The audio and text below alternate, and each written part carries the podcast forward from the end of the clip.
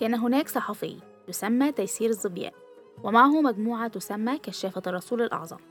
وعندما وصل إلى منطقة الرقيم بالأردن بلغ مدير الآثار الأردني السيد عون الدجاني باكتشاف سر خطير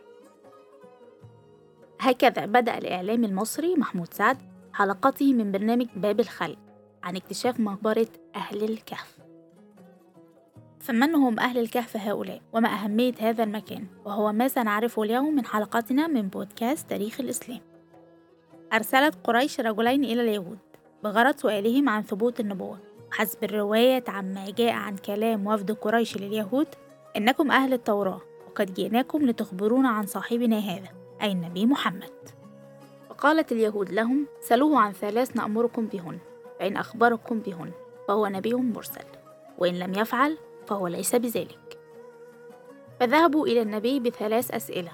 من هو ذي القرنين؟ وما هي الروح؟ وكم عدد فتية الكهف؟ وحسب رواية الطبري في تفسيره فأصحاب الكهف فتية مسيحيين. شاع الكفر في عصرهم لدرجة إتيان ملكهم بوثن وطلب الناس بعبادته. وبسبب قوة الإيمان عند هؤلاء الفتية اعتذروا قومهم وذهبوا إلى كهف من أجل عبادة الله.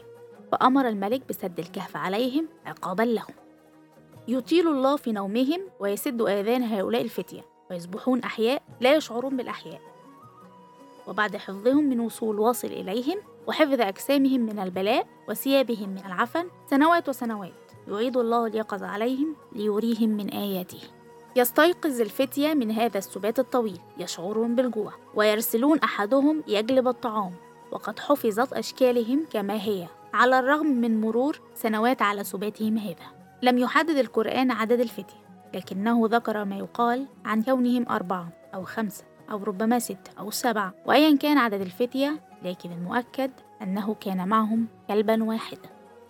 يعتبر محمود سعد أن كهف الرقيم هو نفسه المذكور في قصة أهل الكهف بالقرآن وحسب سعد أن حركة الشمس حول الكهف تطابق وصف القرآن.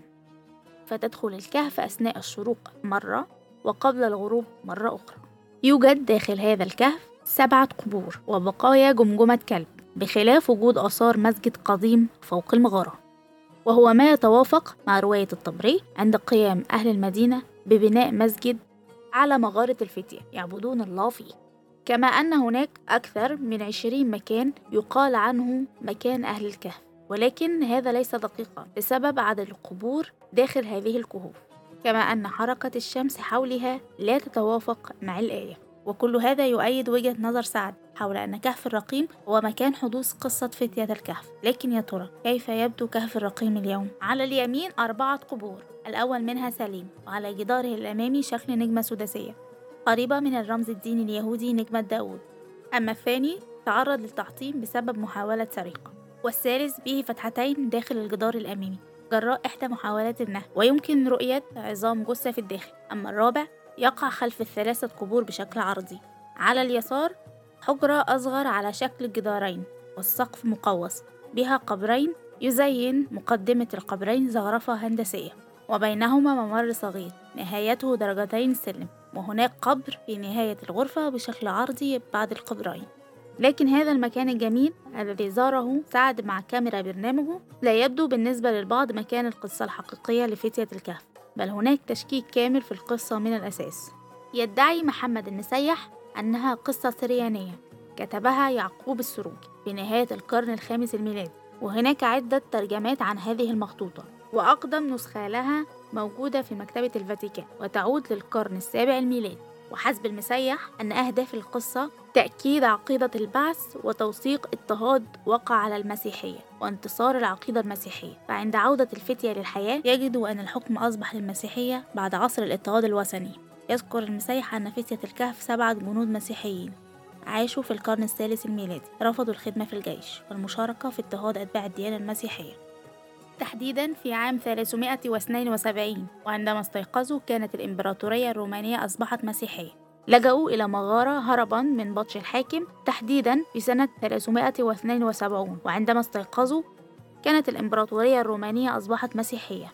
لكن ينفي المسيح وجود كلب معهم بل ملاك باسط جناحي يحميهم ويضيف أن موقع الأحداث مدينة أفسس في تركيا وأن وجود القصة في القرآن يدل على الاتصال بين العرب والسريان والتفاعل الثقافي بينهم. ثم يفجر المسيح قنبلة بادعائه أنها مجرد قصة أدبية تم تداولها في التراث المسيحي من باب الوعظ وهو ما يجعلنا أمام عدة أسئلة هل القصة تاريخية بالنسبة للتراث المسيحي أم معزية مجازية؟ وإن كانت تاريخية فهل مكان وقوعها كهف الرقيم أم أفسس؟